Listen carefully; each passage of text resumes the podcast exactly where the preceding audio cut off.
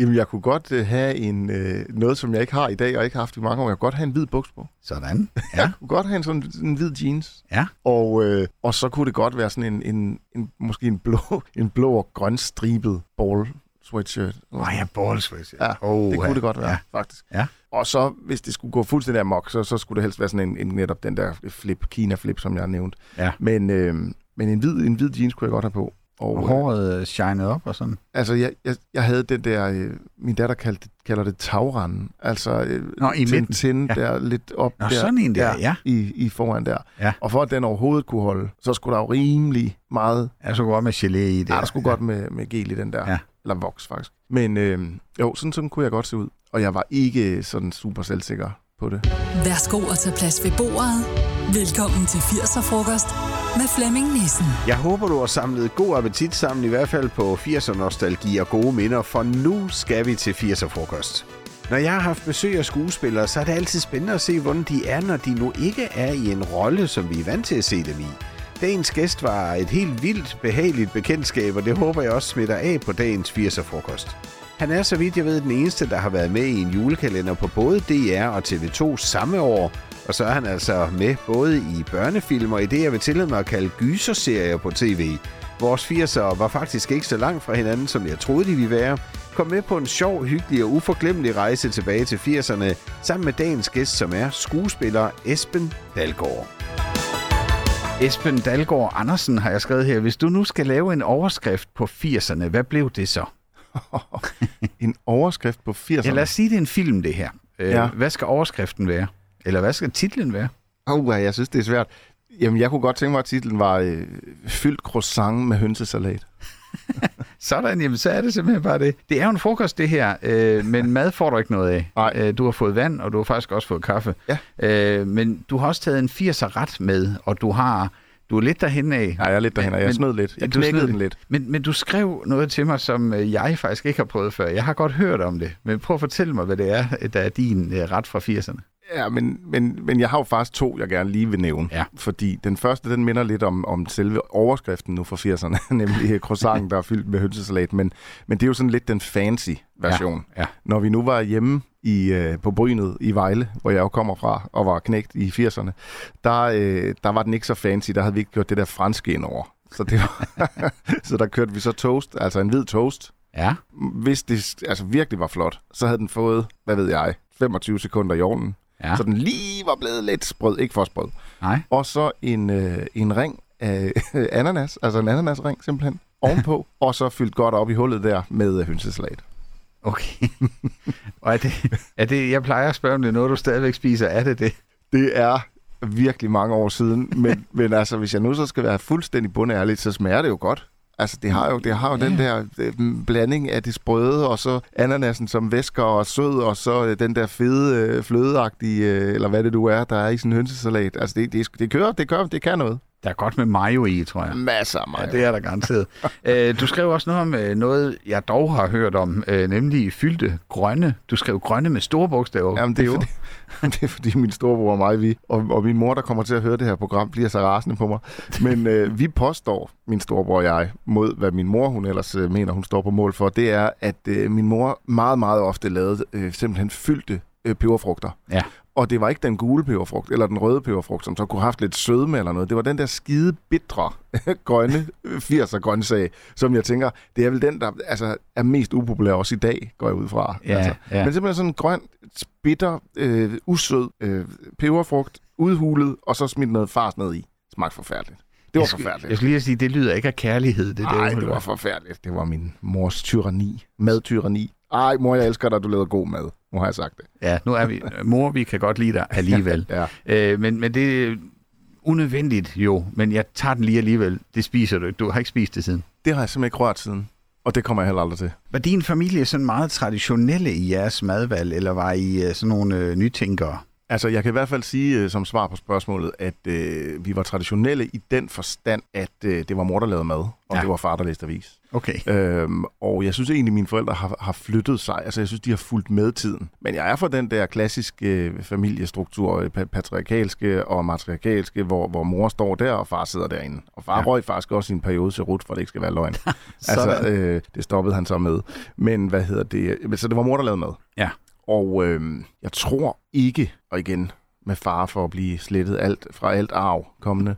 øh, jeg, jeg, jeg, jeg vil ikke kalde hende sådan, øh, det var ikke et fusionskøkken, hun havde gang i. Det, det, var, øh, det var ikke så moderne. Jeg tror, det var rimelig øh, klassisk. Men hey, det kan også noget jo. Jamen, det kan 100% altså, noget. ja. Og jeg tænker også, de var jo begge to... Øh, jeg gik på arbejde og, og knoklede øh, en vis lemstil ud af bukserne, ikke? og havde to børn, og skulle have det hele til at hus og have, og skulle have det hele til at fungere. Altså, det kender jeg da fra mig selv. Hvor meget tid er der så lige til at stå der og være øh, dybt øh, original i køkkenet? Så, så tit blev det jo til, til klassisk mad. Ja. Øh, noget, vi, øh, vi spiste meget faktisk, øh, og, og som jeg stadigvæk den dag er glad for, det var, øh, altså, det var hjemmelavet smørbrød, altså rugbrødsmad simpelthen, med, med, det kunne være makrel eller leverpostej, eller, eller slagterens øh, rullepølse, eller sådan noget den stil. Altså, det, det kunne sagtens være, være en dag om ugen. Ja. Øh, Altså til aftensmad. til aftensmad, simpelthen, ja. ja. Og, øh, og ellers så var det jo med, altså, jeg er jo også et sovseører den dag i dag, ikke? Altså, jeg er jo opflasket med sovs, Ja. øh, og, og, i virkeligheden også med, med svinekød og, og frikadeller og det Ja. hele, ikke? Så, øh, så det er Altså, jo noget, jeg sådan skal, noget, jeg sådan øver mig på, øh, på i dag. Altså, vi, vi har skåret enormt meget ned for kødet hjemme hos os, for eksempel, ikke? Ja.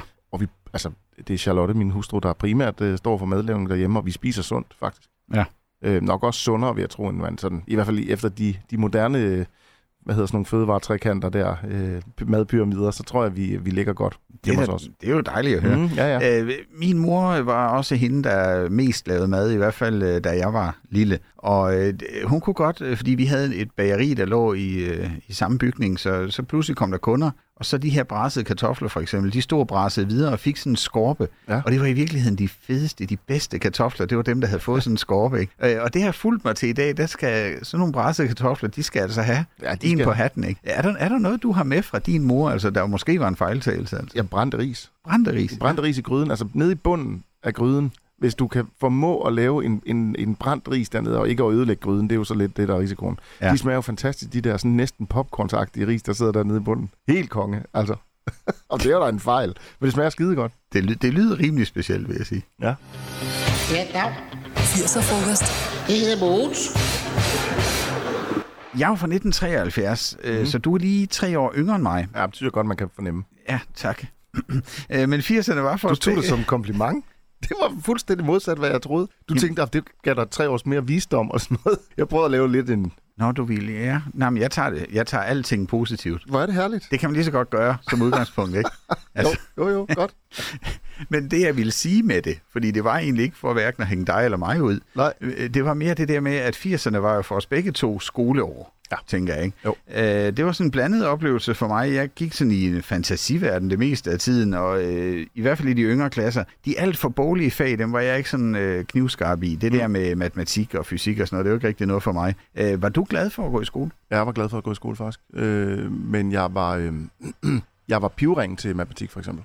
Okay, Altså virkelig dårlig til det. så Til der er gen- vi samme sted. Ja, der er vi Ja. 100% samme Ja. sted. Øh, til gengæld, så var jeg, øh, altså var jeg glad for de, altså for dansk for eksempel, og de Mm. skriftlige fag og sådan noget med at skrive stil, og det der, der sådan kunne lugte af kreativitet, altså at skrive digte og eventyr og sådan noget. Det, det var jeg allerede glad for dengang, faktisk. Ja. Øh, og der er Fristil. fristil, altså helt vildt. Jeg kan Ja. huske, jeg fik mit første, det hed jo 13-tal dengang, Oh, i, i, i en fristil, skrevet i, hvad ved jeg, sådan noget 7. klasse eller et eller andet om, om et eller andet eventyr, men jeg kan bare huske en saftevandssø og sådan noget der, altså så er vi ude i sådan noget der. Øh, men det var jeg glad for. Kanon. Øh, og så var jeg generelt glad for at gå i skole. Jeg synes, Ja. ja. folkeskolen var, var fint. Altså, øhm, jeg, jeg var bestemt i den gruppering øh, dengang, som blev kaldt nørderne. Okay, Ja, det var jeg. På- du sagde, på- du var, hvad var det, du sagde, du har sådan lidt... Øh, en fantasiverden, ikke? fantasiverden. Det, det var jeg sådan set ikke, men, men der var en rimelig klar skælden sondring mellem de smarte og de mindre smarte. Ja. Og, og under de mindre smarte lå så nørderne. Og det, der, det var jeg en, en klar del af. Øh, En, en gruppe på en, hvad ved jeg, en, en, vi var vel fire. I ved, hvem jeg er derude. Ingen nævnt, ingen glemt. Nej. Øh, men, øh, Kim, Kim, Peter og Klaas. Men øh, For nej, eksempel kunne det være dem, ja. men men øh, nørd kan du jo godt være i dag, i, i en positiv forstand. Det var det her ikke. Måske. Øh, jamen, du har ret. Øh, Jeg diskuterede faktisk øh, ordet nørd med min datter her forleden, og hun havde en meget øh, sådan umiddelbart negativ klang på det. Og, det. og det har jeg ikke som sådan. Altså, nørd er jo sådan ligesom også en... Øh, jo, nørd er, vi har jo en negativ klang, men nørd kan jo også oversættes som øh, ekspert inden for noget, for ja, eksempel. at man går i dybden med man noget. går i dybden med noget. noget. Og på den måde synes jeg egentlig ikke, at nørd er- behøver at være så negativt. For os var det... Jeg føler heller ikke, at det var for mig personligt noget negativt. Vi, vi, øh, vi gjorde bare lidt nogle andre ting, end dem, der gjorde det, der var mainstream. Men hvad var du for en type i skolen? Altså, var du midtpunktet, eller var du sådan en, en stille gut? Jamen, det havde jo været mega sjovt, hvis der nu havde været en, der kunne fortælle den persons version. Ja, det Min, min version er, at jeg var sådan en øh, forholdsvis tilbageholdt type, faktisk.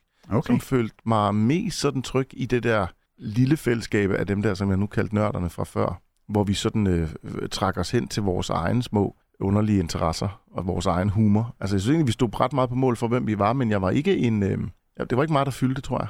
Det er jo meget sjovt, fordi øh, øh, der er faktisk en, en linje midt igennem alle skuespillere. Nogle af dem, jeg har haft med i 80'er de siger, øh, jamen der var gang i den, og det var mig, der var, jeg styrede festen. Hvor andre siger præcis som du siger, tror du, det er noget med at, at være inde i en, i en skal, eller Øh, jeg, jeg tror i hvert fald, det er rigtigt med den skælden der, for jeg hører det også, altså hører også og mærker det jo også på mennesker, også på mine, mine kolleger, kan jeg jo mærke den dag i dag, for det, det, det er jo sådan faktisk noget, man har med sig stadigvæk. Den dag i dag er jeg jo heller ikke typen, der, med mindre det er et rigtig sådan virkelig trygt selskab, så behøver jeg ikke være ham, der, der sådan på den måde skal føre mig frem. Nej. Øh, hvorimod mange af mine kolleger, der kan du jo mærke, jamen, jamen de kan jo ikke træde ind i et selskab uden at tage øh, hatten på, der hedder, hej, jeg er masteren i, i dag til at Ja. holde fest. Det har jeg hverken behov for, eller, eller egentlig føler, jeg sådan skal. Jeg kan godt gøre det, bevares. Ja. Er du sindssyg? Ja. Jeg kan sagtens tage den på, og er jeg netop i et trygt selskab med, med tætte venner og sådan noget, så gør jeg det gerne. Jeg er en kæmpe fest, øh, abe. Det er ikke det, men jeg behøver det ikke, og jeg, har ikke, jeg træder gerne til side og lader nogle andre tage den der kasket, hvis, øh, Mm. hvis jeg kan. Men dit spørgsmål var, øh,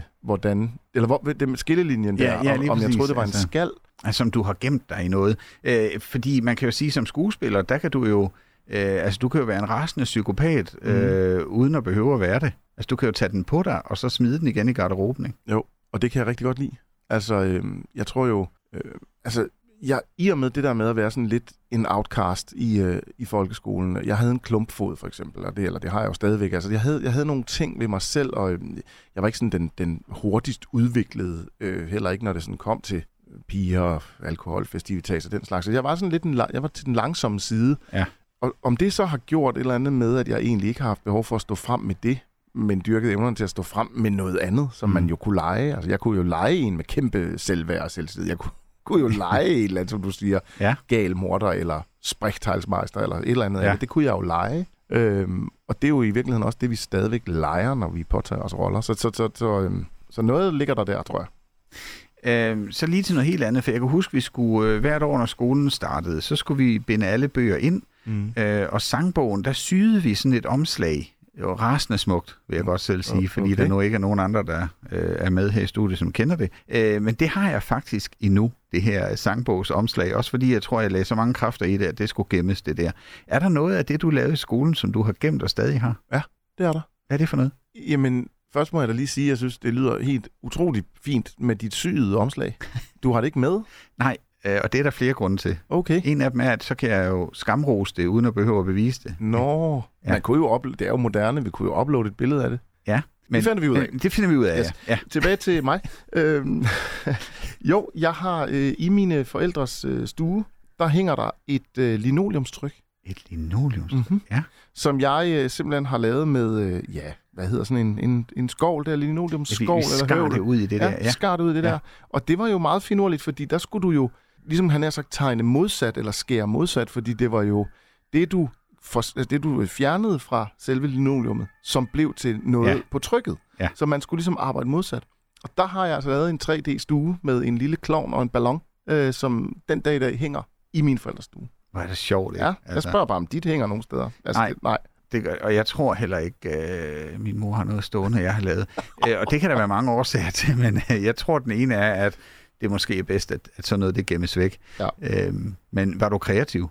Altså, hvis sådan noget der, sådan Ja, det, håndværksfag? det, det, det, det synes jeg sådan set, jeg var. Ja. Øh, jeg var kreativ, og jeg kunne godt lide at bruge øh, hænderne. Mm. Øh, jeg kan huske, Jamen, altså, fordi vi er 80'erne, ikke? Altså, øh, jeg pussede jo cykel, for eksempel. Ja, Det er ja. faktisk noget, jeg kommer til at tænke på lige nu, Ja. i forhold til det med hænderne. For det gør, altså, jeg har jo børn i dag, som har cykler. Ja. Jeg har jo aldrig nogensinde bedt dem om at gå ud og pusse cykel. Nej, men det har jeg også gjort. Jeg pussede sæt med cykel, og Ja. ja. jeg ville gerne imponere far med, at ærerne var pusset, og så ved altså kæft, hvor jeg pussede. og jeg var også sådan noget, jeg lugede også ukrudt og sådan noget. Ja. Og, og, gik også meget op i at prøve på at, og du ved, efterlade et bed ordentligt og sådan noget. Ja. så jeg ved ikke, hvor kreativt det er, men det er i hvert fald noget med at bruge hænderne. Ja. Jeg skal lige sige, hvis folk tænker, øh, har de bestilt en, øh, udryknings, øh, et udrykningskøretøj? Det har vi ikke. Det er, fordi I har meget varmt i studiet, så vi har vinduerne åbne, så det må I lige bære over med. Ja. Der er gang i den her i, i København, hvor vi sidder i dag. Tag det bare helt roligt. Vi skal nok klare det sammen, os to. 80'er frokost. Du har taget øh, din 84 hits med til dagens øh, frokost her. Hvad er det første, vi skal høre? Vi er jo tilbage i 1985. Ja. Det er selvfølgelig, var jeg lige ved at sige, aha, Take ja. on me. Den er, den er nærmest 80'er-frokostens uundgåelige, kunne man sige. Kommer den tit? Ja, det gør den egentlig. Men hvad, er det, det, hvad vækker det nummer i dig? Altså, hvad... For, for det første, så ser jeg helt tydeligt visuelt for mig den øh, musikvideo, der Ja. sandsynligvis har kørt på hedengangene, hvad hedder det, MTV, MTV, ikke, som ja. man så dengang der. Det her sådan, øh, jamen, det var faktisk revolutionerende for mig. Altså, det var sådan blandet mellem tegnet univers, og så pludselig fadede det over i sådan et menneskeunivers. Altså, det var sådan nogle avisklip og sådan noget, og, Ja. eller avistegninger. Det var, det, var, det var i min verden helt unikt at kunne se på fjernsyn. Og så var nummeret jo bare melodiøst og øh, øh, vildt godt. Jeg synes faktisk stadigvæk, den dag, jeg glæder mig til at høre det. Altså. Det er jo faktisk også, øh, synes jeg, den dag i dag, når du ser musikvideoen, er det stadigvæk fedt. Ja. Altså, det er da fedt lavet. Ja, jamen det tænker jeg også. Og Men, det øh, er ret sådan revolutionerende for, for tiden. Ja. Eller i hvert fald for det, jeg så i tiden. Videoen kan jeg ikke give dig, men nummeret kommer her. Fedt.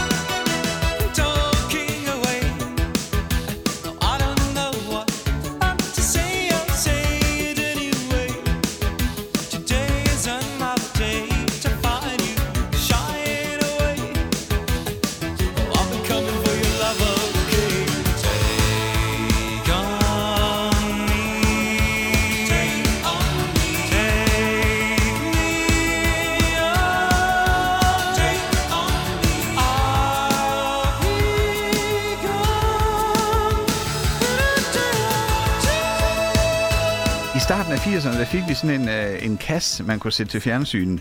Øh, der var en slags joystick med, øh, med to store knapper på, altså meget, øh, meget firkantet og klodset egentlig. Så kunne man styre sådan en bjælke, der skulle forhindre en anden bjælke eller en firkantet klods i at, at ramme kanten eller bunden af, af skærmen der. Ikke? Det var på det tidspunkt det vildeste, jeg sådan lige kan, kan huske, vi fik, hvor, hvor jeg var sådan, wow. Ja. Og vi sad jo og spillede i flere timer med det der, og det var det eneste, man kunne. Var I first movers på, på nye ting, når de kom frem hjemme hos jer? Det er faktisk så, vil jeg sige, ikke kendetegnende for, hvordan jeg ellers vil kategorisere mig selv og min familie. For det var vi. Og det var I? Vi var rent okay. faktisk first movers på noget af det der. Fordi vi havde også den der tv-boks, eller tv-spil, eller hvad, hvad det var, det hed. Hvor, men der havde vi også tennis på. Altså, hvor der, øh, det hed det tennis, der var en streg i midten, Nå ja, og så kørte og de... så kørte de bare ud i siden, og så kunne man så køre dem op og ned, og så skulle man så ramme den der bold, og så kørte, eller ja, firkantet. Ja, så, så, du, så- du, du, du, ja. øh, og så fik, vi, øh, så fik vi simpelthen øh, Commodore 64 Oha. med, med, øh, med bånd.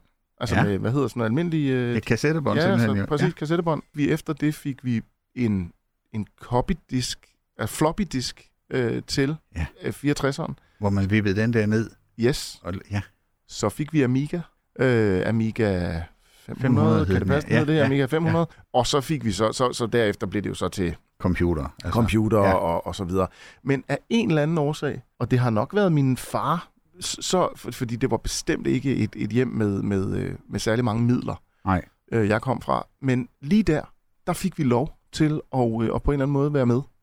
Om, og hvad, det kunne være sjovt at spørge ham i dag, hvad, hvad der ligesom har ligget til grund. For det kunne også være sådan noget med, øh, altså det der med at, øh, fordi det var jo smart at være med på det der. Og det Ja. var jo også godt for ungerne, tænker jeg. Altså Ja. på en eller anden måde, vi var jo med, vi kunne snakke med og sådan noget. Ja, så det lige kan også, præcis. kan også være, der har ligget noget af det i det. Fordi det var ikke far, der spillede på den overhovedet. Det var, det var virkelig os, der, der brugte det der. Så det var ikke sådan, at han, han, det er købt til ungerne, men han brugte det selv. Nej, altså. nej, nej. nej. Vi kunne godt lokke ham med. Ja. Jeg kan huske for eksempel, da vi havde sådan et flipperspil. Altså øh, ligesom øh, pinball machine, ikke? Altså ja. flipper. Hvor det kunne vi spille i, i timesvis, det der. Ja. Det var fedt, altså. Jamen, altså, man skal jo ikke forklejne det, heller ikke i dag, når de, når de unge sidder og spiller, fordi dels er der noget socialt i det, selvom man kan have svært ved at se det, når man er sådan en gammel mand som mig, men, men der er jo også, altså, øh, der er også noget lærdom i det. Ja. De bliver ikke dummere af det nødvendigvis. Nej, nej, og jeg synes jo, øh, nu øh, har jeg jo to piger, Ja. øh, og nu skal jeg jo ikke være sådan på den måde køns øh, generaliserende, men øh, de spiller ikke Counter-Strike og, og hvad de ellers hedder, de spil der, øh, som Nej. nogle af mine venner, der har drengebørn, gør. Øh, nu kan jeg godt høre, at jeg kommer til at rode mig ud i noget her med køn. Jamen, lad os prøve, lad os prøve. Men, men, øh, men det, jeg egentlig ville sige, var ikke så meget det. Det var bare det, at mine unger spiller det ikke. Nej. Men jeg kan høre hos mine kammeraters øh, børn, at, hvad hedder det, at de spiller det jo så med headphones og, og snakker og kommunikerer på alle mulige måder Ja. med andre. Hvor det kunne man jo ikke dengang. Nej. Altså, der, når vi spillede Computer 64, sad du jo og spillede det med en kammerat ved siden af, og så skiftede man player. Nu er det min tur, ja. Ja, men du, du var jo ikke på den måde ude og, og kommunikere med andre på samme tid. Nej. Og det tænker jeg, der ligger, kan sagtens være mange fede ting i. Altså strategimæssigt, øh, kommunikationsmæssigt, øh, alt muligt, tænker jeg. Så I var, I var first Ja, movers. vi, på det punkt var vi sgu lidt first movers. Fedt. 80'er frokost. Goddag, jeg hedder Lars Larsen og har just sengetøjslærer. Jeg vil give dig et tilbud. Mine forældre de havde eget bageri, øh, og det var min søster og, og jeg faktisk øh, involveret temmelig meget i, både som fritidsarbejde, men også fordi det var sjovt, øh, og så var mor og far jo altid hjemme. Hvad lavede dine forældre? Mine forældre arbejdede øh, i sociale humanitære organisationer. Øh, på det her tidspunkt, da jeg øh, voksede op i 80'erne, der, der er det den øh, organisation, der hedder Dansk Flygtningehjælp. Ja. Der havde de hver deres øh, position i. Altså som arbejde, ikke som frivillige, vel? Nej, Nej. nej, nej, det var deres øh, arbejde. Hvad, blev, blev I som unger involveret i det? Ja, vi var smurt, altså ligesom du åbenbart har været smurt ind i, i øh, romkugler og, og hvad hedder Ja, det, det vinerbrød. fremgår. Ja. Så, øh, nå, nej, men jeg har ingen øh, Nej, holdning til det Nej, andet, nej. end du sagde, at, at du havde, altså du sagde, ja, I- jeg ved det godt. Godt. Ja. Nej, men vi blev smurt ind i, øh, i socialhumanisme, og ja. også virkelig i, øh, i forskellige øh, fremmede kulturers øh, forskellige højtider. Altså hvad jeg ikke har været til af, af nytårsaftener øh, og, og nytårsfejringer i øh, det vietnamesiske, kinesiske, somaliske, persiske, farsi-miljø. Altså, øh, øh, det er ikke så lidt. Og Det er jeg vil sige, en, øh, en kæmpe gave. jamen, altså couscous og bulgur og, og hvidløg og den slags var ikke høj kurs for mig dengang. Nej. Men er du sindssygt, hvor jeg er glad for det i dag. Ja. Fordi det var jo med til at, at åbne øh, mine, vores øjne for øh, fremmed kultur. Ja. Og for også, hvad skal man sige, den afvejning af, hvordan har mennesker det, der kommer fra andre steder Mm. end vores. Ja. Og jo, kan jeg afsløre, ikke altid lige så godt. Ja, og vi børn har jo været skærmet for det mange gange, fordi så pludselig kom der noget i TV-avisen, så kunne man se lidt der, men ellers så Amen. var verden jo den weekend. Altså, Den dag i dag er det jo noget, jeg faktisk øh, tænker rigtig meget over i forhold til mine egne børn. Det er at prøve på at, øh, at tage den her hvad skal man sige, kulturelle forståelse videre også til mine børn. Det betyder for eksempel, når vi tager på ferie, det er ikke for at sige, at vi ikke sagtens også en gang imellem kan tage til et eller andet øh, nemt sted og lige tage Ja. til, men, men vi prøver også på at, øh, at tage et sted hen, hvor ungerne kan få en anden oplevelse af, at verden øh, er noget andet end, ja. øh, end bare det her sådan, øh, smørhul, som vi nu engang bor i. det er også en god gave, I giver videre, så ikke? Altså, Jeg synes, den har været god til mig, og jeg vil rigtig gerne give den videre til mine børn. Og Ja. da vi, vi har både været i Sydafrika og nu senest øh, på Cuba, eller i Cuba, og øh, altså, de ungerne får jo virkelig noget ud af det. Esben, hvordan så der ud hjemme hos dig i 80'erne, hvis vi, nu, øh, hvis vi nu er gået ind ad hoveddøren? Prøv at beskrive dit hjem. Jamen, det vil jeg gerne. Altså, vi, øh, vi havde overtaget, mi, vi havde, mine forældre havde overtaget Vejles gamle forsamlingshus. Det vil sige, det var en øh, gammel, udtjent, faldefærdig hu, et hu, Rønne, vil jeg sige. Altså Ja. ja. gammelt hus i, i, øh, i fire og en halv etage. Fire og en halv, hvorfor det? Men fordi at det var, det var, huset var bygget på så skrå en grund, altså virkelig, virkelig skrå en grund, at det var ret højt, øh, men fra vejen, hvor vi, fra vejen, hvor man kom kørende, der var det ikke så højt, men så nede i haven, altså sådan en skråning, fuldstændig ned, der var det jo så kæmpe højt. Okay. Og, og der var det sådan ligesom delt op i de der mange etager. Men når man kommer ind af, af hoveddøren, så det første, der, der møder en, det er faktisk ude foran, det er en... Øh, altså, der står sådan en... Øh, den der giftige tjørnebusk der. Hvad fanden hedder den nu? Øh, Christian. ja, Er men det det, nej, det var bjørne, bjørneklo. Bjørneklo, Der stod der bjørneklo. Den var flot, når den blomstrede. Jamen, den er også giftig. Nå, jamen, altså, det måtte vi så åbenbart. Vi skulle ikke røre ved den. Og så går man ind, og så er der gulvtæp. Ja. Der er simpelthen gulvtæp. Det er heller ikke så mange lige i entréen der, Nej, det er ikke- nej. nej. Og så er det jo et, så øh, et, et sted, øh, hvor, som jeg husker det hele mit barndom, var der aldrig en fodpanel, et fodpanel, for eksempel. Okay. Altså, det var noget, min far skulle lave, og det skulle han nok. Men han fik det ikke gjort. Altså, Nej. det, det tog fandme tid. Men altså, alt blev lavet selv, så det vil sige, det der var lavet, var jo lavet, men Ja. ja. det var bare, man nåede sjældent i mål. Jamen, listerne er altid det sidste. Listerne mangler, et Ja. ja. hul, hist og pist og sådan noget. Og så var det jo ellers øh, en, en stueetage der, hvor der var køkken og, Og så var der lille stue og store stue. Mm. Store stue, hvor man nogle gange spiste om søndagen. Nå ja, når det skulle være fint. Ja. ja. Og så skulle man op ad en trappe, så kom man op på øh, kvisten, som i virkeligheden var loftet, men hvor jeg havde halvdelen af det der loft som øh, mit værelse. Og øh, det var et fedt værelse. Ja. Sindssygt fedt. Ret stort for tiden. Og jeg havde fået, der var sådan ligesom en underlig kanap, hvor jeg havde øh, fået bygget, snedgereret øh, meget selv, men også med hjælp fra min far. Sådan, hvad man vel i dag ville kalde sådan en helt computerstation, spillestation. Altså det var sådan ligesom en hestesko, hvor hesteskoen var bordet, altså var mit skrivebord, og så havde jeg en, kør, en, en, en stol med hjul på, Ja. så jeg sådan kunne sidde og arbejde på den ene side, så kunne jeg den dreje, og så var der bord hele vejen rundt, så jeg kunne have alle mine lektier der, og skolearbejde der, og lidt Ej, computer fedt. og sådan noget. Ja, Men du har haft god plads så. Altså, ret god plads. det er inde i mit hoved, der avler det rod. Men det, det jeg elskede rod, og, øh, og jeg gjorde det, at jeg hang mit tøj på væggen. Altså, Okay, så, ja. ja. så, øh, så, Så du kunne finde det. jamen, så pyntede det lidt op, og så, ja, så kunne man have, altså jeg hang ting op på søm og, og med, med, hvad hedder det, knappenåle og sådan noget. Ja. Jeg hang underbukser og skjorter, t-shirt og alt muligt. Det hang sådan rundt i værelset. Ja. Det var rodet. Er det, er det noget, du har taget med dig, det der med at hænge underbukserne op på væggen og sådan noget? Øh, jamen, jeg gjorde det faktisk sådan til, jeg var for voksen til det. altså, men da der så begyndte at komme sådan forhold i mit liv, så, så stoppede det. De kommer i nat! De kommer i nat! Det bliver det helt store panseland!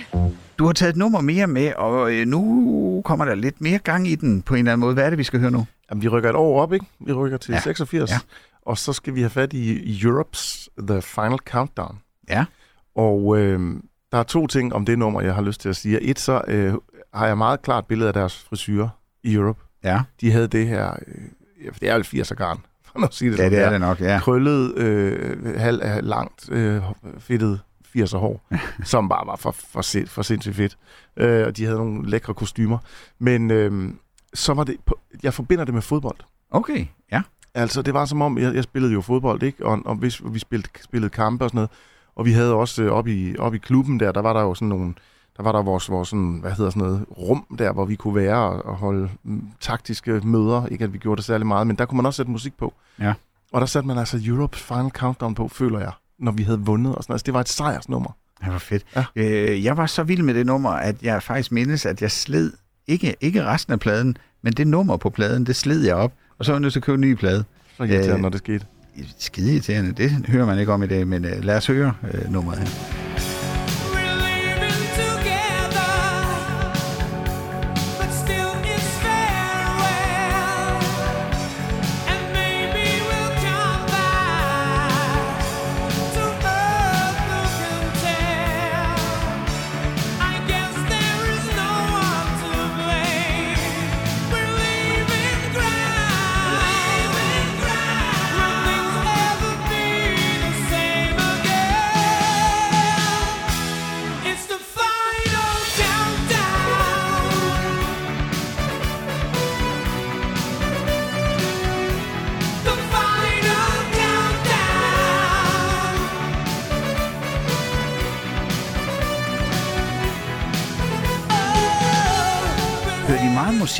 Hos jer? Altså en ting er, at du gjorde det, men øh, var der meget musik i hjemmet? Nej, egentlig, egentlig ikke... Nej, det var ikke sådan, at du ved, der, var, der kørte musik konstant. Nej. Nej, det, det synes jeg ikke. Jeg opfatter øh, måske egentlig ikke min mor, øh, som ellers sådan, vil jeg sige, var den sådan mere kreativ af min, min mor og min far. Det er jo nok fra hende, jeg har den del. Men, men på lige præcis musikområdet, der var det sjovt nok min far, der, øh, der, der var sådan den, man gik til. Ja. Og han har sådan primært opflasket mig med, med The Beatles, og øh, det var ligesom hans, hans retning. Ja. Altså du ved, man kunne ligesom dele op mellem The Beatles eller med hvad, Rolling Stones, og, og der, var, der var jeg, og på grund af ham, en, en The Beatles-fyr.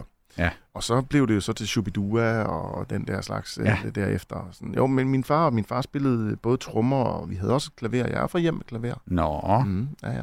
kom ikke her da. Jeg prøvede også at spille trommer i en overgang. Ja.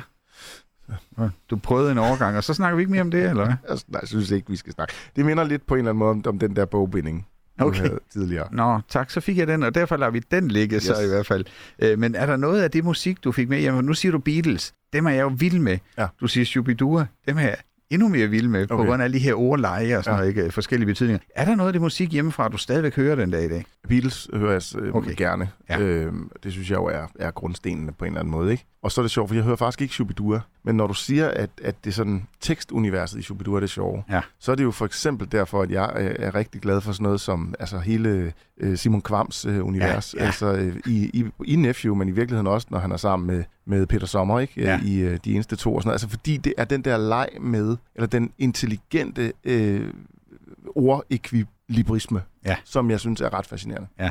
Og, og det er jo på en eller anden måde lidt derfra også. Nu hopper vi lige ud af, af 80'er-frokost et kort øjeblik, fordi jeg var til koncert med Hukum, Ja. øh, hvor han starter med, at vi alle sammen skal vende os om. Han kommer ind med binden for øjnene og står med ryggen til. Bare i er der, når jeg vender mig om og sådan noget. Altså, øh, og så skal vi alle sammen vende os om, og jeg glæder mig sådan til, at I vender jer om igen og sådan noget. Og det, det er totalt sjovt, altså. Walter, jeg tror, jeg er enig med min pilsner, når den siger, den gerne vil trækkes op. Det her er 80'er frokost. Esben, på det her tidspunkt i vores frokost, der skal vi på tidsrejse, og du må bestemme, hvor eller øh, hvornår i 80'erne vi skal hen. Øh, vi skal møde dit yngre jeg, øh, og øh, hvor, hvor, hvor vil du have os hen af? Jamen, fordi at jeg jo er 76'er, Ja. Så giver det jo sig selv, at jeg er fire år lige der, da vi går ind i 80'erne. Ja. Så derfor vil jeg godt op i sen 80'erne. Fordi Ja, tak. hvis vi nu kommer op i, i 89 deromkring, så kommer jeg op i de der 13-14 års alderen. Ikke? Ja. Og det vil sige, det ligger sådan lige præ-konfirmation. Det ligger der sådan, hvor, hvor øh, selvom jeg siger, jeg var lidt sent udviklet og de der ting, så, så, øh, så var jeg dog rimelig selvbevidst. Ja. Også på det tidspunkt. Og jeg kan tilknytte en, en kommentar omkring, at øh, da jeg så blev konfirmeret, øh, som så godt nok var først i 91-91, så jeg snyder lidt. ikke til nogen. Nej, Ja. men der, øh, der skulle jeg have Kina-krav. Altså den her skjorte med én knap, du ved. Der er ikke Ah, nogen flip, ja. men Ja. kun, øh, kun Kina-flip, altså Kina-krav, som Ja. ja. hvor der kun var én knap. Ja. Ja. Og det var simpelthen på grund af, af David, øh, David øh, hvad hedder det, Swim, Silver øh, Nå, fra ja. 90-210. Ja. Øh, fordi han var ham, der spillede keyboard, og han var sygeligt smart, synes jeg. Ja. Så det, det, det, det, det, det, siger om, om mig, det er, at jeg har jo på en eller anden måde haft en vis sådan selvbevidsthed i hvert fald, ikke? På Ja. det tidspunkt. Ja. Og det er så vi frem til med rådet til mig selv. For det er det, du spørger om, ja, det er det. det er jo, at der begyndte jeg jo at synes, at det var interessant, hvordan jeg så ud, og derfor også at tage sol. Og nu bliver det jo selvfølgelig lidt sådan corny, men også lidt alvorligt. Ja. Fordi så det råd, jeg vil give til mig selv, det var, det er ikke helt nok bare at smøre dig ind i Nivea, når du skal ligge i solen. Nej. Det er heller ikke nok, når du er færdig med at ligge i solen, så bare lige smøre dig lidt mere ind i Nivea. Nej. Og det er heller ikke smart at smøre dig ind i saltvand, fordi det er, og sølvpapir skal du heller ikke ligge med. De der ting, det var noget med solråd. Jeg er Ja. jo, og ikke fordi vi behøver at gå frygtelig meget ned ad den stil, Ja, men så, vi, vi kommer til den til allersidst, vil jeg Okay. godt sige. Ja, men, men jeg, jeg har jo en, en, en kraftsygdom, der Ja. hedder modermærkekræft, og, øh, og det er jo typisk på grund af en solskade. Ja. Og derfor ville mit råd til mig selv dengang være, tag dig lige lidt i jagt for solen. Ja. Hold lige de der klassiske solråd, og, og brug en, en solcreme, der er lidt stærkere end, øh, end Nivea. ja, og det råd kan man i hvert fald også bruge i dag. Det kan man meget øh, godt. Ja, vi er jo blevet lidt bedre til det, men øh, måske var man det ikke i 80'erne. Jeg kan ikke huske. Jeg kan Jamen- ikke huske, om jeg blev smurt ind og sådan Jamen, noget. det gjorde du ikke. Altså det, du gjorde i 80'erne, ikke? Du lå på bagsædet af dine forældres bil, mens de sad på forsædet og røg, og du havde ikke sele på. Du lå med din Walkman dernede bag på bagsædet, og hvis der var sket et eller andet, så var du tordnet ud af forruden. Det skete Ja, der heldigvis ja, ikke. nej. Men det gjorde man jo, og vinduerne var ikke rullet ned. De var rullet op, for der blev røget ind i bilen. Så var det dejligt med den røg. Det var sådan, det var. Ja. Det, har jeg ikke sådan, det kigger jeg ikke tilbage på med bitterhed, fordi det var det, vi troede, det var, det var sådan, det var. Ja. Og på samme måde, nej, du blev ikke smurt i en solcreme. Du blev, altså jeg snakker med så mange mennesker, der, der nikker genkendte til det der med, jo, den der blå, øh, hvad hedder den, Nivea i det der, øh, den det, låget af, og så bare lige på med det, Ja. ud i solen. Der var sgu ikke noget, der hed solcreme på den, på den måde. Det var der ikke. Nej. Øh, og det er jo et vigtigt, øh, altså det er, det er bare så sindssygt vigtigt for de unge mennesker i dag, fordi der er jo nærmest konkurrence om, hvem kan blive mest brun, og der er jo også det her med, lad os prøve at undersøge, hvornår er UV-strålingen høj, så vi Ja, kan få mest ja. farve og sådan noget. Pas nu på, lad nu være. Man kan sagtens få fin farve og så videre, selvom man bruger solcreme. Mm. Og man kan også godt få det, selvom du bruger solen, som, man, som jeg synes, man skal bruge. Man behøver måske ikke gøre det der, hvor den er aller, aller, aller farligst. Nej. Nu sidder du så her 30 år efter, og, øh, og er klogere på det, og der er nok mange unge, der vil tænke, ja, ja, ja, han snakker bare. Men der er noget alvor i det, og det vender vi også tilbage til. Men hvis vi nu prøver så at tænke lidt på den der gammelfarmodel, og derfor vender os om og stiller os i Esben i 89, og kigger på Esben i dag, Ja. ville datids Esben være vild med nutids Esben, som jeg sidder med her? Øh, det tror jeg sgu. Det tror jeg faktisk, han vil. Ja. Altså, jeg tror, øh, jeg, jeg skulle egentlig landet et meget godt sted i forhold til al den usikkerhed og nøje om, hvem jeg selv var på det tidspunkt. Så, så jeg troede aldrig, jeg kunne blive en, en, en voksen med, med, med det sådan forholdsvis okay selvværd, jeg har i dag. Det tror jeg ikke, jeg troede. Men det er du blevet. Det synes jeg. I skolen, der kan jeg huske, at jeg elskede, når der var øh, teater, eller man skulle optræde med et eller andet. Øh, var det i skolen, du fik øjnene op for det der med at, at spille skuespil? Altså, øh, var det der, drømmen opstod for nu at være lidt? Nej. Nej? Det er jeg overrasket over. Kunne du godt lide det? Ja, det kunne jeg faktisk, øh, og jeg ved ikke helt hvorfor, fordi at, øh, jeg var som regel, øh, ej, jeg passer, jeg var Mio i Mio Min Mio, og jeg har også været Ole Lukker, og jeg har stået og sunget i nattøj og sådan noget. Wow. Men jeg har også været træ ude i kulissen. Ja, ja. Det kunne jo også noget. Der skal jo være en til at være træ, ikke også? Men det var det altså ikke. Øh, Jeg ved, du på et tidspunkt har læst jura. Ja. Hvis du nu ikke var blevet skuespiller, hvad tror du så, du var blevet? Jamen altså, der kunne jeg være blevet mange ting. Altså fodboldspiller, professionel fodboldspiller. Ikke? Øh, Jeg spillede jo for Vinding, der er Vindings fjerde hold. Øh. og øh, hvad hedder det? Og vi har jo mange store spillere fra Vejle, ikke? Ja, Altså, jo jo. Graver, Elkær. Elkær. Ja. Øh, altså Elkær, det er et stretch at sige, at han er fra Vejle, men stadigvæk. Ej, jo. Han spillede han har haft en pølsevogn i Vejle eller Ja, sådan noget. ja. Men, men Allan Simonsen, den helt store jo. Ja. Nå, men så fodboldspiller kunne det selvfølgelig have blevet. Det blev det ikke. Så synes jeg faktisk, at jura var mega, mega interessant. Ja. Altså, og jeg synes, det synes jeg stadigvæk. Jeg synes, det der med, jeg har sådan en side af mig, en stor side af mig, som går op i øh, rigtigt og forkert. Mm.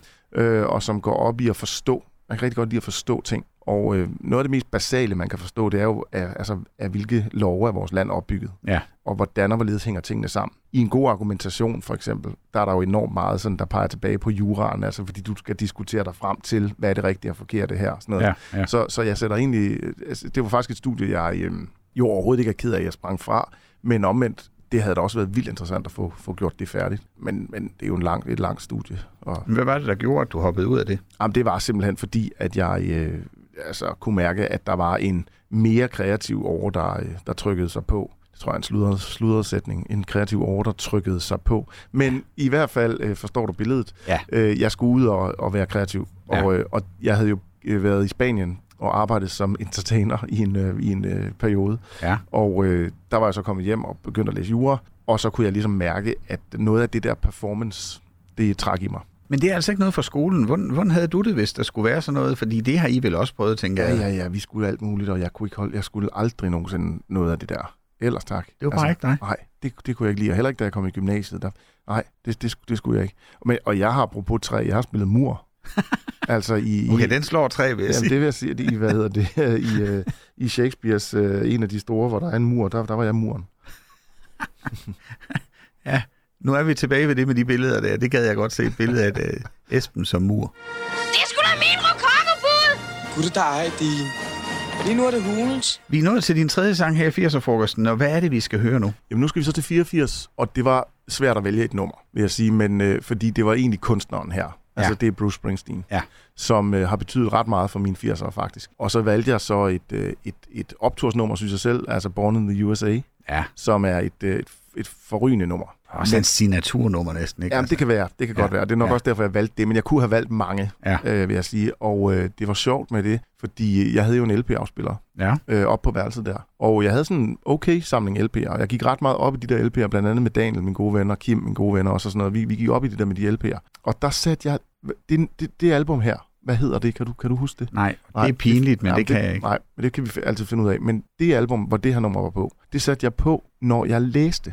Okay. Og jeg havde sådan en helt særlig bogserie, og, og jeg har ellers aldrig været til heste, øh, egentlig, og er det stadig heller ikke den dag i dag. Men jeg læste altså en bog om heste, og det var ikke Silas den sorte hoppe, det kom senere. Ja. Men det her, det var, det var, det var noget, en, en hesteserie. Og jeg kan bare huske, når jeg så skulle ligge der og læse den der hesteserie, så satte jeg det her album på, og så smeltede de to universer helt vildt fedt sammen. Og der er nok et eller andet i Bruce Springsteens musik, som simpelthen bare gør, at man, jeg ved sgu ikke, åbner, åbner sindet op i en eller anden grad. Så når du hører den her, så, så tænker du på heste? Ja. Er det cool. Jamen, øh, fuld galop til Bruce Springsteen.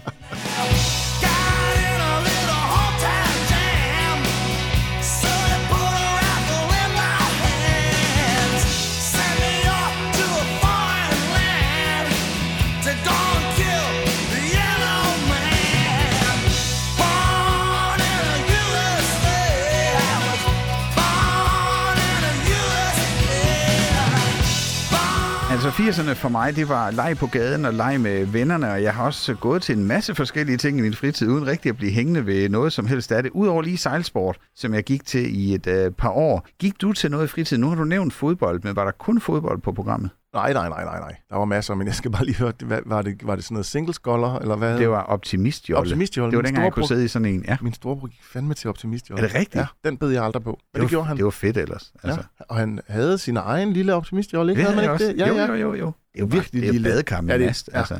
Nå, det var sjovt. Nej, det, den øh, bed jeg aldrig på. Men jo, jeg gik til mange ting. Altså, jeg gik til spider. Det er vel tæt på en sportsgren. Ja, Eller sådan det har en jeg også gået til en, en uge. Ja, Nå, nej, jeg, var, jeg gik sgu til det længe. okay. Flere, mange, mange år. Altså, jeg tror hele, alle øh, nærmest... Øh, jamen, det, det var nok øh, der sådan slut 80'erne, at, det, øh, at det, det stoppede for mig. Ja. Jeg var ulveunge og, og opad. Hvad Så det du nu- kan binde en knob og... Nej, nej, nej. Nej, okay. det, det burde jeg have kunnet.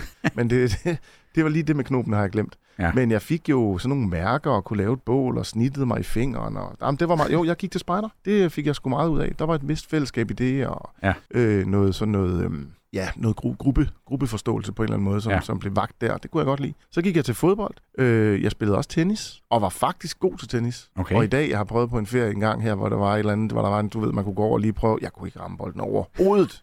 altså, men jeg var sgu god til, til tennis dengang. Ja. Altså god. Vi, kunne, vi, kunne, vi havde nogle gode. Vi gik til tennis. Jo, altså jo. havde medlemskab i klubben, og, og lille sådan en, du ved, sådan en, man skulle hænge på en krog, når en bookede banen. Og Ja. Det var, øhm, jo, Men jeg hører dig stadigvæk sige, at karrieren som skuespiller går det en, en, noget bedre med. En, En- en karriere som en- tennisspiller. ja. ja det, Eller øh, spejderfører. Tænk, hvis det gik lige så ringe for mig i min karriere som skuespiller, som det ville være at se mig spille tennis nu, så ville eddermame være dårligt. Eller omvendt, så vil jeg sige, at du har været en fantastisk tennisspiller. Ej, det var sødt af Ja, var det faktisk ikke? Jo, jo, jo, jo.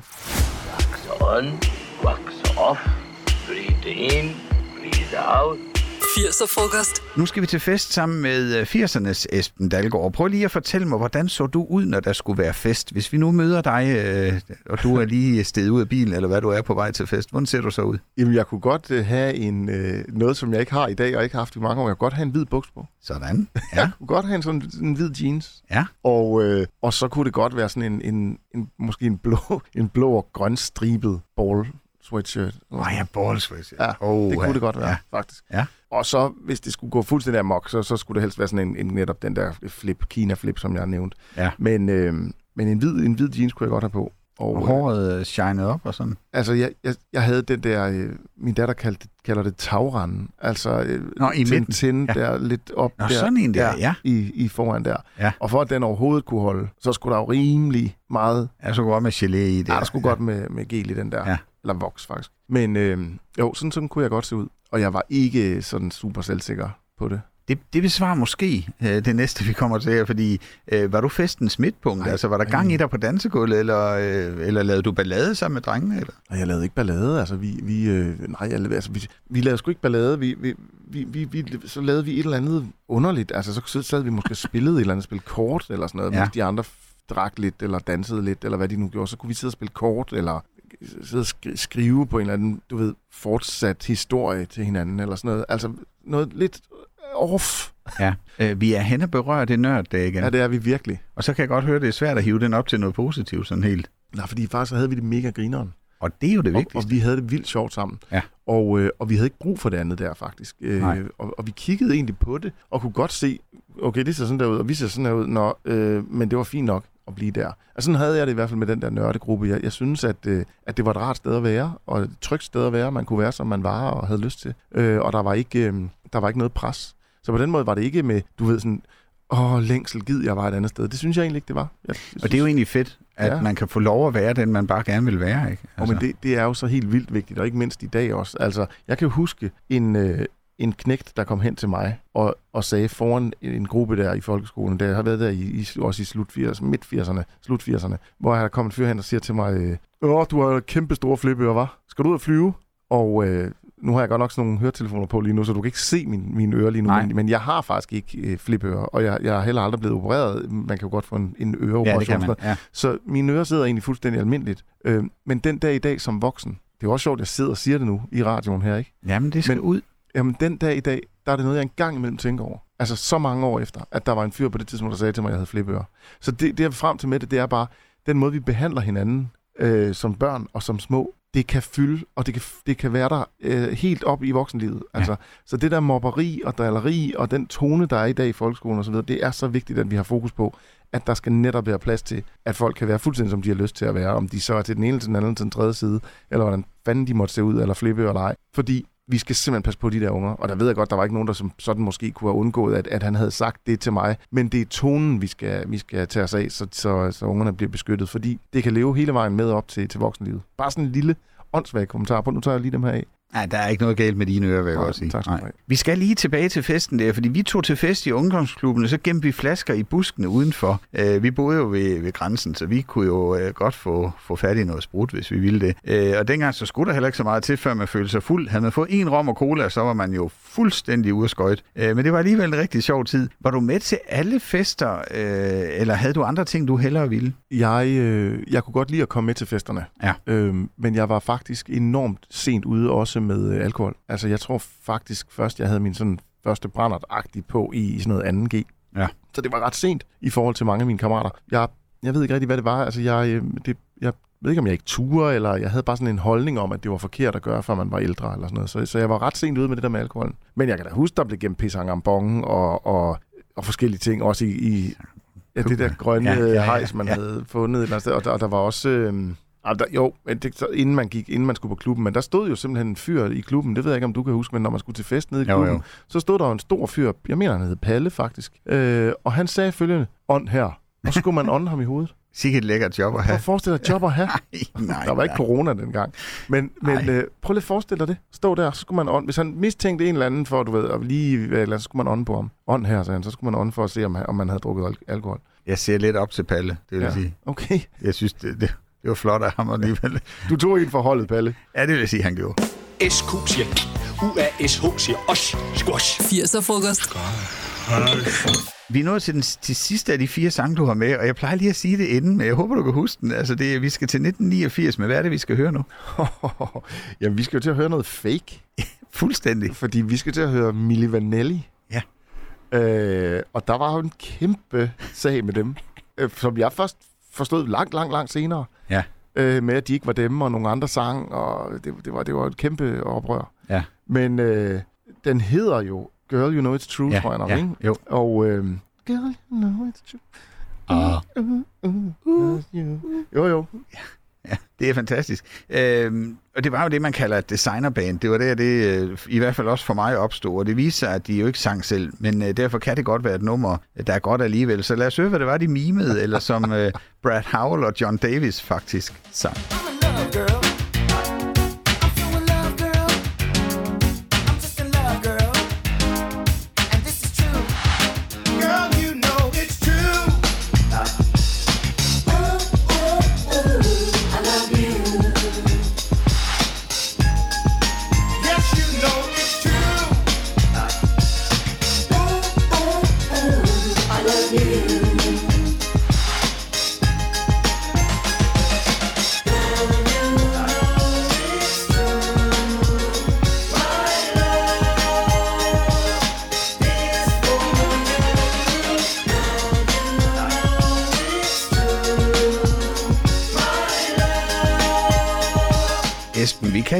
godt øh, snakke om elefanten i rummet.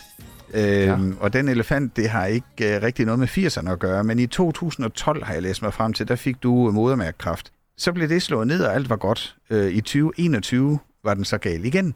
Ja. Øh, hvordan går det der nu? Tak. Altså jeg vil lige sige, du, du sidder og ser super frisk ud Nå, hos det, mig. det er godt sagt. Men jeg vil så svare, svare med et andet. Jeg vil svare med et spørgsmål. Jeg vil bare lige have det afklaret. Synes du, det er en elefant i rummet? Det synes jeg godt, det kan være, fordi det, vi mødtes for at snakke om, er jo 80'erne og Mm. glade minder og sådan noget. Mm. Så kan det godt være svært at øh, pludselig øh, bryde ind med sådan en... Øh, fordi det er, jo, det er jo ikke super sjovt at få kraft. Nej, nej, nej, for helvede, det er ikke sjovt. Det vil jeg ønske jeg dig for ingen. Men, men jeg synes bare, det er spændende, at du synes, at det er en elefant i rummet, fordi det tror jeg, der er mange, der gør. Ja. Og det er den sådan, når du beskriver en elefant i rummet, så er det typisk noget med en, en berøringsangst Ja, i forhold præcis. til, hvordan fanden tager vi den her tematik op, eller skal Ja. man, skal man ikke, skal man krasse i såret, bløder det så mere, eller Mm. bla bla. Og der er jo bare den kæmpe holdning, at, at øh, man skal altid tale om det. Ja. Og man skal altid spørge hinanden, og man skal altid øh, spørge ind til, fordi hvis, hvis du nu sagde til mig, lad os tale om elefanten i rummet, så havde jeg jo fuld ret til at sige, ved du hvad, tusind tak Flemming, ja, det, det bliver ikke i dag, jeg er der ikke. Er det okay, kan vi Ja. tage den senere? Ja. Og så havde det ikke været pinligt, du havde spurgt. Nej. Og det havde heller ikke været pinligt for mig at, at svare.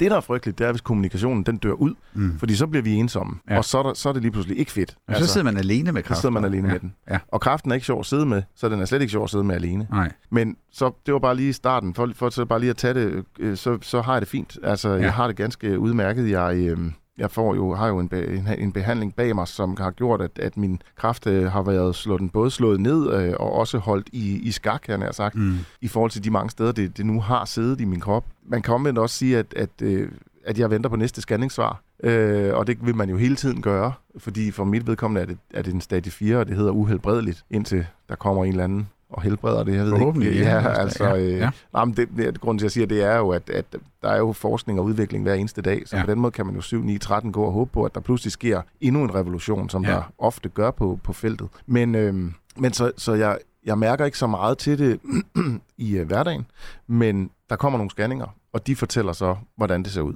Det må være, det må være et, et rigtig øh, lortet tidspunkt, øh, når, man kommer, når man skal til de scanninger, indtil man får svar i hvert fald. Ikke? Altså, dagene op til scanningen og dagene efter scanningen indtil svaret er altid mega nervepirrende, og især for øh, min familie. Især Ja. for min øh, kone faktisk, øh, Charlotte. Hun synes, det er rigtig, rigtig svært der. Ja. Og det ved jeg fra øh, rigtig mange pårørende, at øh, de der dage, de er frygtelige. Fordi det er jo tit sådan, at øh, den pårørende står sådan mm, hjælpeløst til, ved siden af, og vil gerne, man vil jo gerne gøre noget for dem, man elsker. Ja, ja. Men her kan du ikke gøre noget. Altså, og jeg kan man sige, jeg, jeg er bare mig selv. Jeg skal bare tage stilling til mig. Mm. Men det der med at være pårørende til nogen, det, det er enormt øh, smertefuldt og vildt svært. Så Ja. for, for dem, og specielt som sagt for, for, for, for, for alle mine pårørende, er, er de dage, der er de sværeste. Ja. Jeg kunne også godt forestille mig, at, øh, at man går sådan med, med mange forskellige tanker, når man får at vide, man har kraft. Ikke? Altså, det, en af de første er jo helt typisk, øh, hvor længe har jeg? Ja. Øh, er, det, er det også sådan for dig? Altså? Det er det første, jeg spørger om. Ja. Altså, da, da jeg ligesom får, først får jeg diagnosen, og så skal man ud til, øh, til onkologerne ude i Herlev, som det er for mit vedkommende, som sådan på en eller anden måde går ind og, og, og, og hjælper til med, hvad skal vi gøre her? Og, og de siger ikke til dig, om du har 14 dage tilbage, altså øh, hvi- hvis du ikke spørger, han har sagt. Altså, Mm. og, og der, var, der er jeg sådan en type, der jeg vil gerne vide og forstå og have det hele klarlagt og kortlagt. Så jeg spørger jo. Og der til at starte med, var det, var det rigtig dumt. Altså, der snakker vi et år, eller sådan noget. Altså, sagde Du fik at vide, at du havde et år. Ja, hvis ikke, hvis ikke jeg tog imod behandlingen, og hvis den ikke virkede. Det valgte jeg så sjovt nok at gøre. Sige tusind tak til den behandling, og den virkede ja. jo så. Ja. Og det er jo altså over to år siden nu. Ja. Så på den måde er jeg jo, er jeg jo altså, langt, gået, gået langt over, hvad, hvad, de, hvad den frygt startede med at, at pege på. Ikke? Øhm, og jeg, altså, grundlæggende er det sådan, hvis min behandling bare bliver ved med at virke, så kan vi lave det her program igen om, altså om 30 år. Ja. Øh, forhåbentlig. Ikke? Mm. Øh, det er bare klart, at de der, de der scanninger, de går selvfølgelig også ind så, og siger til dig, jamen lige nu virker den ikke så meget mere, eller nu er der noget andet, der blusser op, og, og der har du så problemet. Men 7, 9, 13 igen, så håber jeg da på, at det her det bare bliver ved med at fungere skide godt, og at jeg dør med kræften, og, og ikke af den, Ja. når jeg på et tidspunkt skal herfra. Der er en anden ting, jeg ikke kan lade være med at tænke på, fordi du er jo øh, kendt. Øh, Det er ikke forkert at sige. Øh, Du har blandt andet holdt mig klistret til øh, sofaen i Kastanjemanden. Ja, ja. Sindssyg film, men lad nu det ligge. Det vil sige, vi ved faktisk før dig, hvad du fejler, fordi Ekstrabladet eller øh, en anden lignende øh, skriveri, halløj, øh, har jo været ude og fortælle os alle sammen det. Mm. Hele Danmark. Mm. Hvordan er det at skulle dele det med os alle sammen? Jamen, det var en beslutning, vi selv traf. Okay. Vi, vi traf faktisk den beslutning, og, altså vi traf en beslutning, der handlede om, at vi ville prøve at styre det der så meget som muligt. Ja. Og derfor, da jeg fik diagnosen, der henvendte vi os til Kraftens Bekæmpelse og spurgte, kan vi, skal vi lave en kampagnefilm sammen? Mm. Og det var de helt med på. Så vi gik faktisk ud med det selv. Sådan netop, at der ikke skulle være en overskrift et eller andet sted, øh, Ja. som ingen var forberedt på. Øh, Grot øh, fra julekalenderen skal dø, eller Ja, ja. Krummefar er færdig, eller du Ja. ved, sådan et eller andet morbid, som, som ingen havde lyst til at skulle øh, tage stilling til. Så vi vil gerne prøve at kontrollere det. Og den sådan væren offentlig omkring det, øh, har også gjort, at jeg på mine sociale medier, altså på min, primært på min Instagram-profil, er enormt åben omkring det. Og det kan jeg mærke betyder sindssygt meget for rigtig mange mennesker. Både ramte og pårørende. Det- og det gør faktisk, altså det, det er sådan den energi, jeg, eller positive energi, vi sender ud, jeg sender ud, blandt andet på den platform, får vi 10 folk igen. Ja. Og det, øh, det er det hele værd. Altså det er det hele værd, når der lige pludselig er en, en kvinde, der skriver, tak fordi, at du har fået min mand til at gå til lægen, Mm. øh, fordi øh, han er i behandling nu. Ja. Og dem har jeg fået i hundredvis af. Og det betyder simpelthen, så det gør hele forskellen. Så de dage, hvor det godt kan være sådan lidt at stå og købe mælk ned i, i butikken, og, og der står nogen og, og godt vil have en selfie, og man er helt flad. Du ved, altså af alle mulige årsager, som Ja. ja. vi jo alle sammen er. Der, det, det, men det er jo nogle gange det at være en offentlig person. Det er den pris, der er, ikke? Ja. Men, men lige i mit tilfælde, der kan det så også godt være sådan lidt sygdomsrelateret, og der kan det være, åh, øh, træls. Men det er langt, langt, langt øh, mindre end den kæmpe tsunami af tilbagemeldinger positivt, som, øh, som vi har fået. Tail today? Det her er 80'er frokost. Yes, my boys. Esben Dalgaard, du har været med i masser af film og tv-serier. Du har spillet teater, revyer, været med i Live fra Bremen, og faktisk så nåede du også en tredjeplads i Vild med Dans. Øh, skal vi lige... Ja, det skal vi. Øh, du har også vundet priser for dit øh, fremragende arbejde, men nu bliver det ikke større, kan jeg godt sige til dig. Øh, jeg kan med glæde sige, at du for alvor er optaget i 80'er Frokostklubben. Hvordan føles det på den måde at nå toppen? Det er jo det er både godt og skidt, ikke? Altså godt, fordi det var jo en tinde, jeg ikke troede, jeg skulle erobre. Men også, øh, jeg er jo altså kun sådan, hvad er jeg, en 47 år, ikke? Ja. Hvad nu? Ja, hvad nu? Hvad gør man så her? Altså, hvad filen gør du nu? Når du først har peaked, så er det jo kun nedad. Jamen, jeg kan sætte dig i forbindelse med de andre, for de må have det lige sådan. Ja, ja. jeg. Så kan vi lave har- en klub. Lige præcis. Hvordan kommer man videre? Og I solgte jeg ikke den godt egentlig? Det synes jeg faktisk, jeg gjorde. Esben, øh, uden øh, fis og ballade, hvad har du ellers gang i lige nu? Jamen, jeg kommer ud i noget, øh, i noget fjernsyn og noget film. Nu Ja. her øh, faktisk øh, helt øh, præsent, så kommer vi ud i en, øh, i en spillefilm i biografen nu her, der hedder Synkefri. Ja. Øhm, så kommer der, øh, er jeg med i to forskellige sådan pt. unavngivende tv-serier. Og så, øh, ja. ja, og så skal jeg, når jeg kører herfra, så skal jeg hjem og, og redigere på en af mine to kommende bøger. Uh. Jeg har simpelthen skrevet to, øh, to bøger, som kommer ud her slut på, på det her år. Ja. Øh, og det, det kræver ret meget. Altså redigering og sidde og skrive, og så er der en redaktør, der sender nogle noter tilbage og frem og tilbage. Altså, det er sådan egentlig ret øh, tidskrævende. Så det skal jeg hjem og sidde og nørde med. Og så laver jeg rent faktisk også en øh, podcast selv, Ja. som øh, ikke ligger i konkurrence med din, men øh, som dog er en podcast Ja. også, hvor jeg er vært. Og den kan man jo høre her bagefter. Ja. Lige, lige om lidt, ikke? Jo. øh, øh, hvad er det for en podcast? Jamen, den, øh, den, vi, vi, vi optager den lige nu, Ja. øh, og den udkommer på, jeg kan ikke sige, hvor den udkommer lige Nej, nu, nej, for jeg ved ikke, om nej. jeg må, men, øh, men der er jeg vært. Okay, så det kan man følge med i. Ja, det kan man. Øh, Bøgerne lige kort skal jeg høre. Hvad, det, hvad handler de om? Den ene bog er egentlig sådan en slags øh, familiebiografi omkring vores familie, omkring hele det her med, hvordan håndterer du en krise, når du er blevet ramt af den, sådan lidt øh, øh, uden at du lige havde håbet på, at det skulle gå den vej. Ja. Og det andet er simpelthen øh, eventyr. Øh, Okay. fire, fire eventyr har jeg skrevet, som er samlet i en bog, øh, og som udkommer her i, øh, i, i november. Fantastisk. Ja, det, det bliver det glæder mig til at. Ja. se. Kan man få sådan en, hvor du skriver i den? Ja, men det kan man godt, øh, bortset fra, at man kan sige, at den ene af dem udkommer både på lyd og på tryk. Den anden udkommer til at starte med kun på lyd. Og Det er så, svært at skrive på sådan og så udkommer den så på tryk næste år. Okay. Men der har jo været øh, papirkrise og alt muligt Ja, andet. Det er jo ja. svært med papir i øjeblikket. Så Det er også fint nok med digitale, det kan vi godt. Øh, jeg vil sige, det har været rigtig skønt at have besøg af dig her, og jeg håber, du har nyt turen tilbage til 80'erne. absolut. Det er jeg glad for. Tak fordi du var med. Det var dagens menu ved 80'er-frokosten. Du sad til bords med mig, Flemming Nissen, og naturligvis med dagens gæst endnu en gang tak til skuespiller Esben Dalgaard. Hvis du kunne lide det, du hørte, så husk at give 80'er-frokosten et like der, hvor du hører podcast. Det vil jeg blive rigtig glad for. Fra på onsdag, der kan du gætte med på, hvem næste uges gæst i 80'er-frokosten er. Det sker, når vi lægger et ungdomsbillede op af ugens gæst. Det er på vores Facebook-side Classic FM. Og så lige her på falderæbet vil jeg også lige give dig et godt tip. Min kollega fra Classic FM, Dan Raklin, har lavet en ny podcast, som jeg gerne vil anbefale til dig. Han har taget sine to venner, Eddie og Lasse, med, og det er bare en podcast fyldt med hygge og god stemning.